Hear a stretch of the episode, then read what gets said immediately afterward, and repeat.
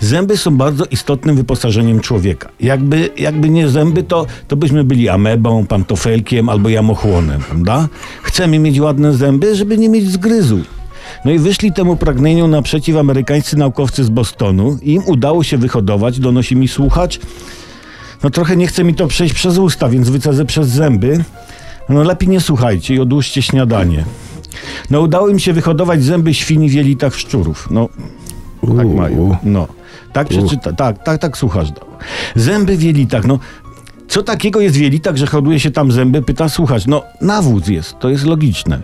Naukowcy twierdzą, że ich osiągnięcie może zwiastować począ- po- początek końca plomb i sztucznych implantów. Będziesz potrzebował zęba, to ci dentysta wyhoduje go w jelitach. W twoich jelitach. W sensie połkniesz zęba, zasiejesz go w jelitach i ci dentysta go później wstawi.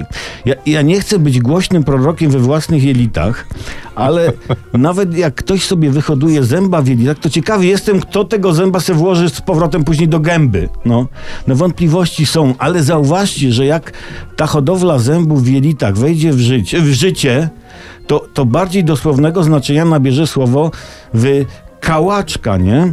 Ale próby wyhodowania kła słonia w jelitach pająka na razie nie powiodły się, z przyczyn chyba oczywistych, ale trwają próby wyhodowania łokcia tenisisty w pięcie Achillesa. No, jak ktoś jeszcze nie wiedział, dokąd zmierza nasz pan cywilizacja, no to ma zwiastuna. Ty, ja mam takie kiełki. Masz?